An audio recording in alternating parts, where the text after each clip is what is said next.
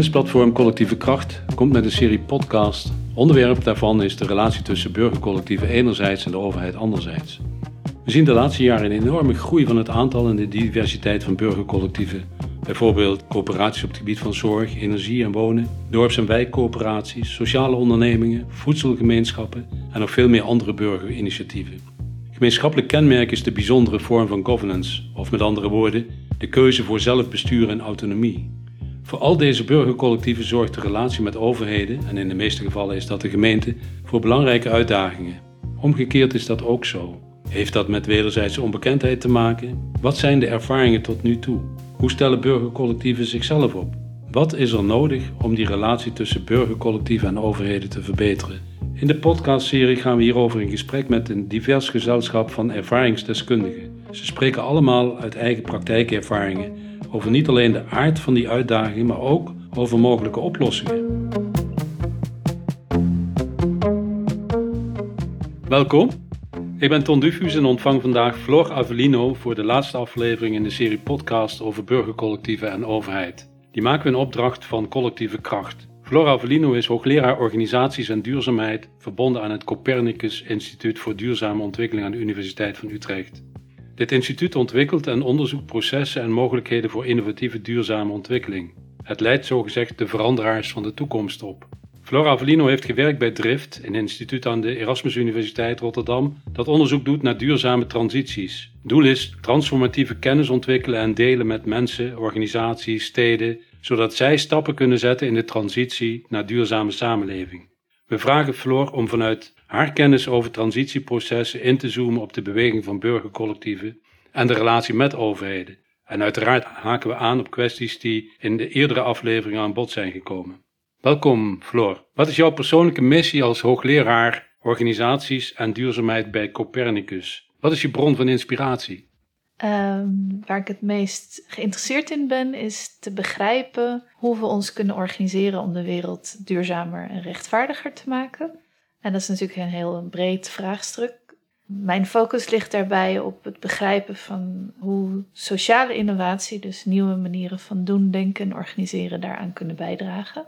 Een ander aspect is begrijpen wat dan de rol is van macht. Dus uh, machtsverhoudingen, hoe die veranderen, hoe die soms ook erger worden, of dat nou bedoeld of onbedoeld is. En vaak is macht een, een taboe om over te praten. Dus zoals ik het in Engels zeg, wil ik vaak power literacy verhogen. Dus geletterdheid over macht. Ik weet niet of je dat zo zegt. Uh, dus dat mensen meer in staat worden gesteld om te praten over macht. En dat, dat taboe te doorbreken, als het ware.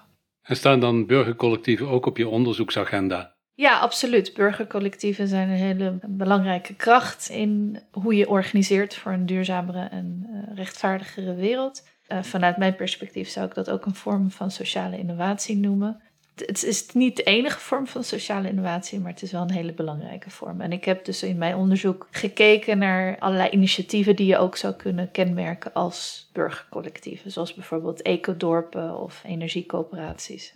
Oké, je, je, hebt al uh, gesproken over uh, jouw belangstelling voor machtsrelaties. Je spreekt ook over transformatieve macht. Wat is dat? Kun je dan een voorbeeld noemen uit de sfeer van burgercollectieven die je bestudeerd hebt? Ja, ik, ik heb daar over de jaren heen ook steeds weer andere concepten bijgehaald. Dus het is best wel een moeilijk concept, transformatieve macht. Omdat het eigenlijk gaat om een combinatie van heel verschillende soorten macht voor transformatieve macht, dus de macht om niet alleen één initiatief op te zetten, maar om ook echt de sociale systemen echt te transformeren daaromheen, dus de structuren en de instituties. Om dat te kunnen heb je aan de ene kant de innovatieve macht nodig om nieuwe dingen te ontwikkelen.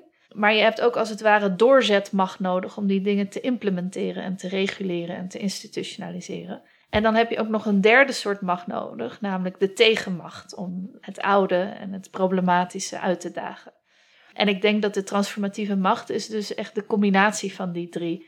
En wat het zo lastig maakt, is dat dat vaak niet per se bij één initiatief of één actor zit. Dus dat vergt uh, allianties en strategische samenwerking. Dus als ik vraag van beschikken burgercollectieven over voldoende transformatieve macht, dan zou een van jouw reacties zijn van ja, een burgercollectief alleen heeft dat niet.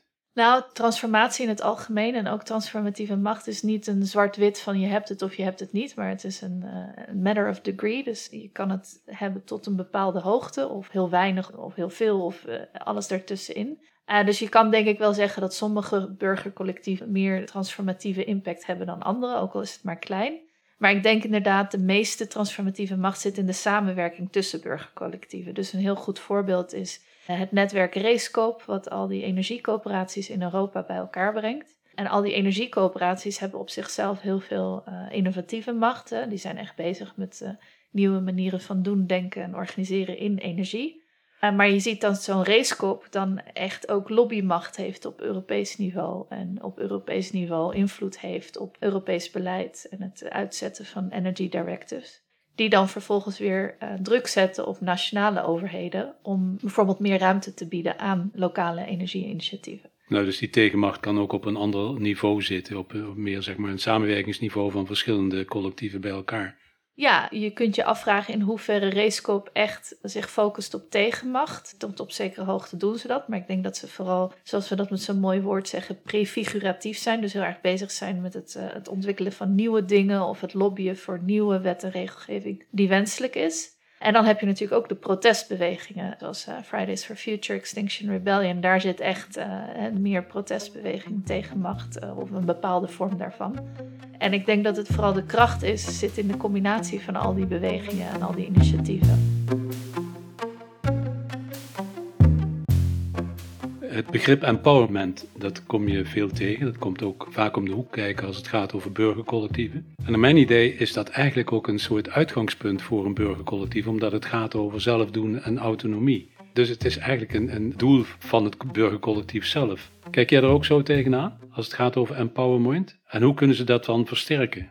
Inderdaad, hoe je dat ook benadrukt, dat het gaat om dat het initiatief zelf kracht ontwikkelt. Dus dat is heel belangrijk, want vaak wordt empowerment ook gebruikt in termen van één actor die een ander empowert. En de, de kritische theorie over empowerment zegt eigenlijk dat dat per definitie niet kan. Want als ik jou empower, dan creëer ik daarbij per definitie een nieuwe afhankelijkheidsrelatie, waardoor het eigenlijk al disempowering is. Dat is een beetje een filosofische discussie, maar er zit op zich wat in. Dus, dus die kritische theorie zegt: empowerment is per definitie iets wat mensen zelf moeten doen. En wat je wel kan doen, is de condities scheppen waarin mensen daartoe in staat zijn. En ik denk inderdaad dat uh, burgercollectieven een hele belangrijke context zijn waarin mensen zichzelf kunnen empoweren. En inderdaad, waarin empowerment een doel op zich is. Dus als je kijkt naar energiecoöperaties, het produceren van hernieuwbare energie is één van de doelen. Maar er zijn meer doelen, zoals bijvoorbeeld eigen kracht en onafhankelijkheid, een bepaalde vorm van autonomie. Dus het delen van macht en zogenaamde empowerment is een doel op zich voor veel van die burgercollectieven. Maar kan het ook de omgekeerde kant uitwerken? Dat de overheid als het ware in de handen klapt, zegt van nou fijn dat er burgercollectieven zijn, wij bepalen toch de spelregels waaronder ze kunnen functioneren. Ja, dus dat het als het ware ingekapseld wordt. Dat is ja. nog een ander ja, aspect. Maar ik denk, er moet een alternatief zijn voor de overheid organiseert alles versus de overheid organiseert niks. Daar is empowerment ook weer heel belangrijk. De overheid en de welvaartsstaat gaat om het creëren van een bepaalde basis waarin mensen überhaupt toe kunnen komen aan collectief burgeractie. dat, dat heeft bepaald onderzoek ook laten zien dat, dat dat idee van participatiesamenleving, of in, uh, in Engeland hadden we het over big society, dat idee van hè, als de overheid te veel doet, dan worden mensen lui en dan gaan ze zichzelf niet meer organiseren. Je kunt ook beargumenteren dat mensen een bepaalde basis nodig hebben om überhaupt de tijd te hebben om dat te doen. Uh, en dat was ook een van de belangrijkste principes van ons manifesto over transformatieve sociale innovatie waarin we twintig sociale bewegingen over de hele wereld uh, hebben bestudeerd. En die hebben we allemaal bij elkaar gebracht en dan hadden we dertien principes. En een van die principes was dat sociale innovatie nooit gebruikt mag worden als excuus om een soort basis publieke voorzieningen te ontmantelen. Je zou kunnen zeggen, als je let op uh, de machtsverschuivingen die mogelijk plaatsvinden als gevolg van succesvolle collectieve actie, burgercollectieve sociale bewegingen, dat de overheid uh, daar ook een andere rol in, in krijgt zie jij dat ook gebeuren? Als je die, die 20 bijvoorbeeld als voorbeeld neemt en hun relatie met de overheid, of je kijkt vanuit het perspectief van de overheid, heeft die overheid dan een andere rol? Is die machtsbalans echt aan het schuiven? In hoeverre het echt aan het schuiven is, uh, weet ik niet. Wat ik wel zie, is dat er wel spanning is en ook een soort onkunde in termen van hoe je omgaat met dat soort burgercollectieven. Omdat, en dat heeft vaak te maken met het, het argument is dan, er zijn er zoveel van. Dus als we met één van hen gaan samenwerken, dan is dat uh, niet rechtvaardig. Want het moet voor iedereen gelijk zijn. Dus dan, dan wordt het heel uh, aanlokkelijk om dan maar met een grote multinational samen te werken. Daar zijn er minder van.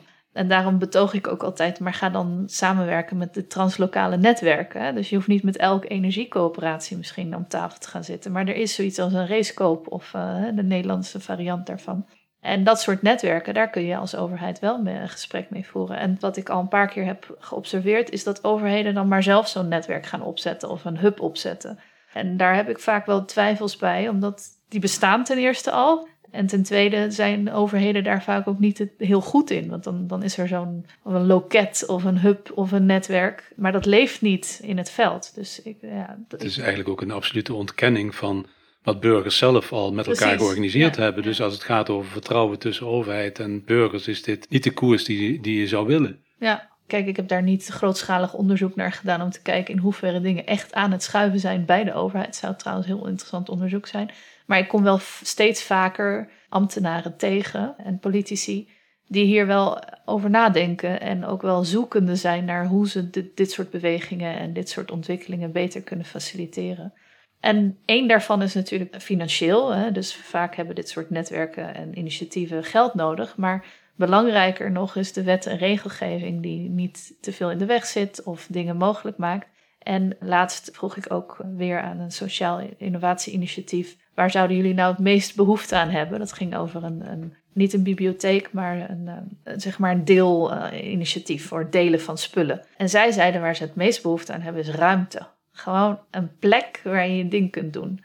Daar zou de overheid echt een rol in kunnen spelen. Zorgen voor ruimtes waar dit soort initiatieven niet moeten concurreren in absurde vastgoedprijzen. Waar er gewoon ruimte is voor dit soort initiatieven.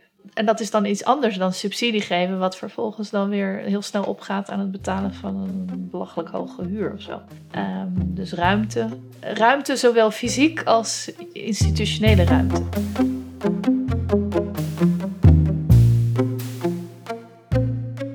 Je gebruikt het begrip sociale innovatie eh, voortdurend. Dat is ook een van jouw speciale aandachtsgebieden. Je hebt eh, als eh, wetenschapper allerlei onderzoek daarnaar gedaan en ook met andere wetenschappers gekeken wat voor type sociale innovaties zijn er. Waarom juist die aandacht voor sociale innovatie? Ja, ik heb ongeveer één keer per jaar een, een soort existentiële crisis, intellectuele existentiële crisis. Waarom gebruik ik überhaupt het woord sociale innovatie? Waarom niet gewoon sociale bewegingen of alternatieven? En wat ik heel krachtig vind aan de term sociale innovatie zijn een aantal dingen. Ten eerste dat het heel erg laat zien dat er meer is dan technologische innovatie, want er is te veel aandacht voor alleen technologische innovatie. En technologische innovatie is heel belangrijk. Het gaat niet om het ontkennen daarvan. Zonder de, de windmolens en de zonnepanelen heb je geen uh, decentrale energieopwekking. Dus de technologische innovatie is essentieel maar de meer sociale innovatie. Dus en dan heb ik het echt over sociale fenomenen als een onderwerp van innovatie op zichzelf. Want je hebt heel veel aandacht voor de sociale aspecten van technologische innovatie. Dus daar is heel veel onderzoek naar. Wat is de legitimiteit voor hernieuwbare energietechnologie? Maar dan gaat het toch weer over die technologische innovatie. bij sociale innovatie gaat het om de focus eh, leggen op de, de, de sociale aspecten, de, de nieuwe manieren van doen, denken, organiseren, de nieuwe relaties die mensen eh, creëren. Dus dat is één. En het tweede is, waarom dan sociale innovatie en niet sociale beweging, is dat in heel veel onderzoek naar sociale bewegingen ligt, eh, gaat vaak heel veel aandacht naar protestbewegingen. Uh, wat ook heel belangrijk is. Net zoals technologische innovatie hebben we die protestbeweging ook nodig. Maar er is minder aandacht voor wat uh, sommigen dan prefigurative social movements noemen. Dus dat zijn de sociale bewegingen die heel erg bezig zijn met andere dingen doen. En daar vind ik sociale innovatie een goede term voor. Bijvoorbeeld zo'n energiecoöperatie of een ecodorp. Daar ligt de prioriteit niet bij protest of bij politieke actie, maar veel echt bij het, het anders doen. En door het anders te doen, te laten zien dat het anders kan. Waarbij je zou kunnen stellen dat dat ook eigenlijk als politiek gezien kan worden. Ik hoor je ook zeggen, eh, net tussen de regels door eigenlijk, over doen, denken en organiseren als, als een kenmerk van sociale innovatie. Wat natuurlijk ook heel sterk relationeel is. Als je die drie dingen dan toepast op bijvoorbeeld een ecodorp Wat is dan het doen heb je aangegeven, maar het denken en het organiseren, kun je daar nog iets over zeggen als een soort aanknopingspunt voor innovatie? Ja, nou ja, bij denken gaat het om uh, andere woorden, andere frames, uh, andere paradigma's. Hè. Dus bijvoorbeeld bij energiecoöperaties heb je het over de prosument, als een combinatie van de producent en consument. Dus het, dat is letterlijk een nieuw woord wat we dan hebben bedacht. Uh, bij Ecodorpen heeft het heel veel te maken met uh, anders denken over individualisme. Dus het is, gaat vaak ook over collectief, over samenleven. En dat vergt gewoon een totaal andere blik op wat het goede leven is. En bij organiseren, dat is wel een hele interessante, gaat het om nieuwe vormen van besluitvorming, nieuwe juridische vormen. Maar ik gebruik het woord nieuw. En hier heb ik ook wel discussies over gevoerd met Tine de Moor, die terecht zegt een coöperatie, een coöperatieve vereniging, daar is eigenlijk niks nieuws aan. Dus waarom is dat innovatie? Uh, en dat zie je eigenlijk wel vaker. Hè? De coöperatieve vereniging bestaat al eeuwen, bestaat eigenlijk veel langer dan de BV of zo, zoals we dat vandaag de dag kennen. Dus, maar wat je ziet is een soort heruitvinding of een vernieuwing van die organisatievorm, of een herontdekking. Eigenlijk is dat bij alle innovatie zo, dat het niet per se alleen gaat over compleet nieuwe dingen. Het gaat ook over nieuwe toepassingen en nieuwe combinaties.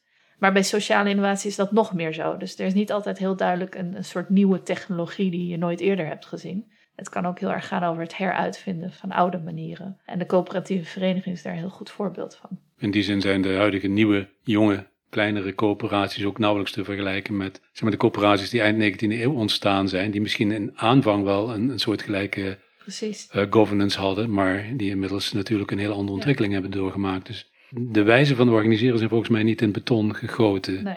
Ook niet volgens de, de coöperatieve principes. En dat maakt eigenlijk eh, voor de huidige burgercollectieven denk ik extra interessant om ook te kijken wat is dan bijvoorbeeld het verschil met andere uh, typen sociale bewegingen of met vormen van collectieve actie, zoals je al eerder noemde, Extinct uh, Rebellion. Maar waar zit precies het verschil in? Heeft dat te maken met de tijdelijkheid of heeft dat te maken met de actiegerichtheid of met de, de ideologische kant? Of hoe zie je dat? Toegespitst op sociale innovatie ja, dan? Ja. Hè? Nou ja, ik, ik, ken bijvoorbeeld mensen die in ecodorpen wonen. En dus een heel groot deel van hun tijd bezig zijn met een huis op een duurzame manier zelf bouwen. Een groente op een ecologische manier verbouwen. Duurzame energie opwekken. Maar die ook actief zijn in Extinction Rebellion. Dus ik, ik denk dat we echt af moeten van het idee dat het het een of het ander is. Er zijn natuurlijk ook mensen die kiezen voor het een of het ander.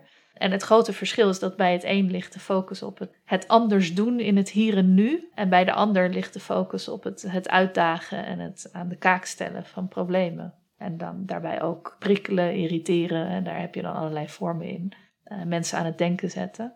Het zijn hele andere manieren van actie voeren, van actief worden, van bijdragen aan transities en duurzaamheid. En ze zijn allebei nodig. Ik denk dat het ook verschillende levensfases kunnen zijn. Hè? Dat, je, je, hebt niet altijd de mogelijkheid om elk weekend te gaan protesteren. Maar je hebt ook niet altijd de mogelijkheid om, uh, om je appartement te verlaten en in een ecodorp te gaan wonen. Dus het kan ook van verschillende levensfases afhangen.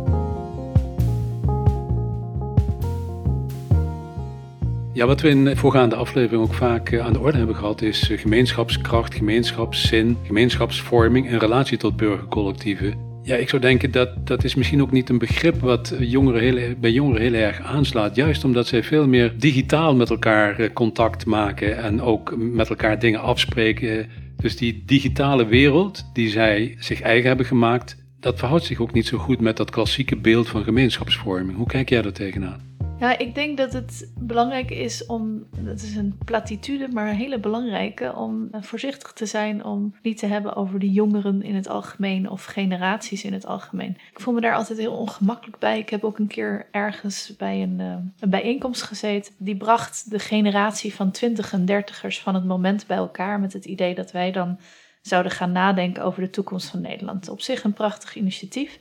Maar de hele dag voelde ik een soort een bepaald ongemak. En ik kon mijn vinger er niet op leggen. En pas een paar dagen later begreep ik wat het ongemak was. We zaten daar namelijk met een heel spectrum aan verschillende politieke kleuren. En dan met het idee, maar wat we gemeen hebben is onze generatie. Terwijl ik heb veel meer gemeen met iemand in de zeventig die ook bezig is met rechtvaardigheid en duurzaamheid en daar protestacties voor. Dus ik denk dat, hè, en onder jongeren heb je dat ook. Dus je hebt gewoon heel veel verschillende jongeren, sommigen die helemaal in die sociale media zitten. Maar ik heb ook al jongeren ontmoet die juist veel intelligenter zijn dan veel van mijn directe collega's of ik zelf bijvoorbeeld in hun sociale media gebruiken en daar heel bewust mee omgaan. En met detoxes regelmatig en dat soort dingen.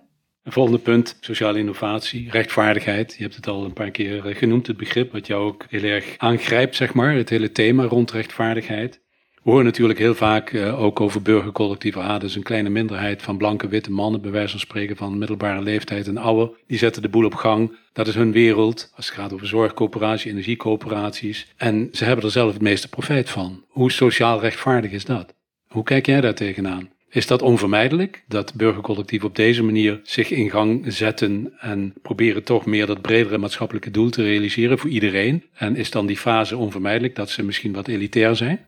Ja, dat is altijd een lastige kwestie. Aan de ene kant wil je natuurlijk inderdaad eh, erkennen dat er veel burgercollectieven zijn waar uh, er die bepaalde elite is in de zin van wit, hoogopgeleide middenklasse. Maar tegelijkertijd vind ik dat het ook belangrijk is om te erkennen dat er heel veel burgercollectieven zijn en heel veel bewegingen die niet uh, zo zijn. Dus uh, je hebt, als je gaat kijken ook mondiaal naar, naar de burgerbewegingen die er zijn, is er ontzettend veel gaande rondom mensen van kleur die bezig zijn, indigenous knowledge. Dus er gebeurt ontzettend veel. Dus het is ook een gevaar om te zeggen alle burgercollectieven zijn zo elitair.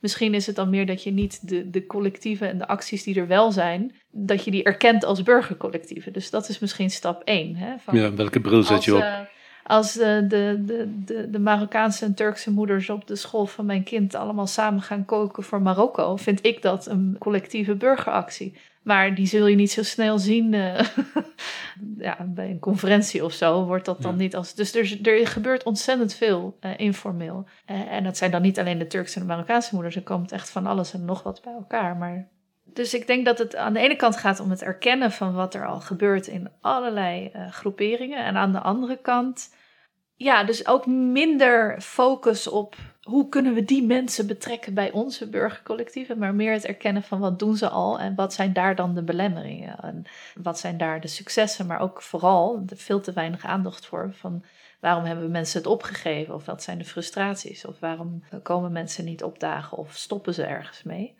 En, en je, ja, je ziet wel, ik weet bijvoorbeeld in de Indische buurt heb je de makkie, dat is zo'n um, complementaire munteenheid, zoals dat dan zo mooi heet, lokale munteenheid.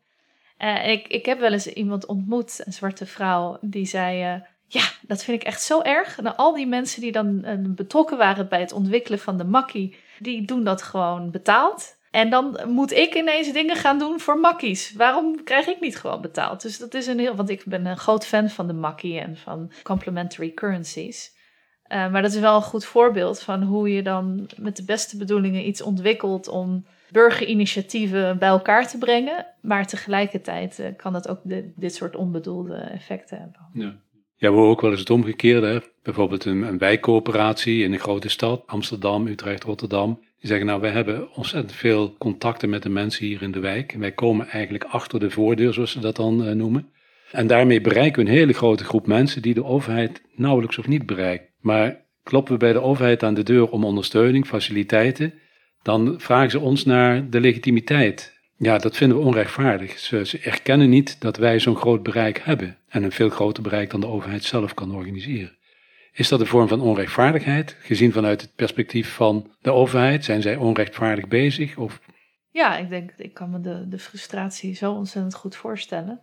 Tegelijkertijd kunnen we dan ook eh, hand in eigen boezem steken als onderzoekers. Dat we misschien um, meer onderzoek moeten doen naar hoe dit soort dingen dan legitiem zijn en hoe dit soort initiatieven mensen bereiken en wat voor onderzoeksmethodes je daar dan voor gebruikt. Dus er zit vaak ook bij de overheid een goed bedoelde onkunde van ik begrijp heel goed dat je niet zomaar alles kan faciliteren, dat je niet zomaar voor iedereen ruimtes kunt regelen en dat je iets moet hebben om dat te meten of te vergelijken. En daar moeten wij dan als onderzoekers, en dat is natuurlijk ook een van de krachten van collectieve kracht, om daar collectief over na te denken.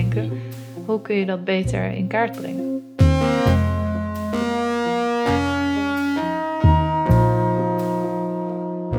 Je hebt al gesproken over translokale netwerken, je hebt het genoemd. Ik ben toch benieuwd van wat dit in de praktijk betekent voor burgercollectieven in Nederland.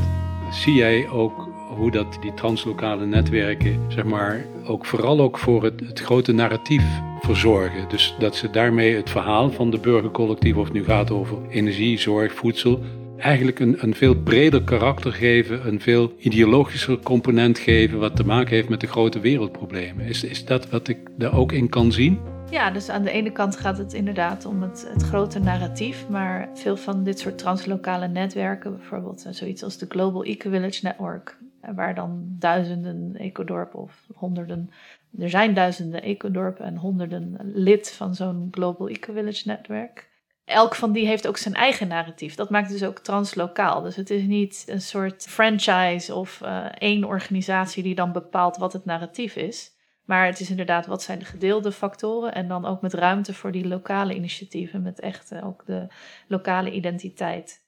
Ik heb heel veel hoop in deze translokale netwerken, omdat je tegenwoordig natuurlijk steeds meer discussie ziet over het vraagstuk van globalisering versus lokaal en eigen identiteit. Er is zo'n interessant boek waarin het argument is dat de grote politieke tegenstelling van vandaag is niet meer links of rechts, maar het is uh, anywhere people versus somewhere people. Dus hè, je hebt mensen die overal wel hun plek vinden, dat zijn de globalisten, de, de, de cosmopolieten.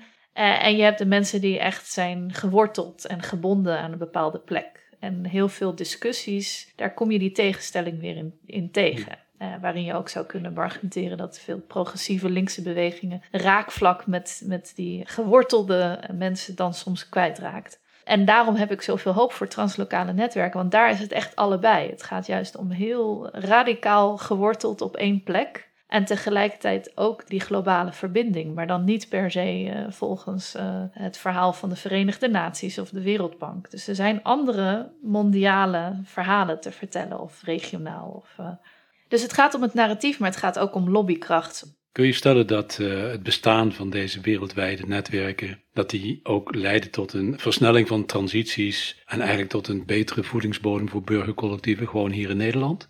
Ja, dat denk ik wel, dat hoop ik wel. En tegelijkertijd moeten we ook erkennen dat de lobby voor bestaande, bijvoorbeeld fossiele systemen, werkt ook zo. Hè? Dus die, die translokale en mondiale netwerken zijn ook heel actief uh, voor het behouden van huidige systemen. Dus we moeten daar ook niet naïef in zijn. Maar eh, juist daarom is het zo belangrijk dat burgercollectieven ook dat soort translokale allianties en strategische samenwerking aangaan. Juist omdat je dat hè, aan de andere kant, om het zo zwart-wit te zetten, ook uh, heel erg ziet.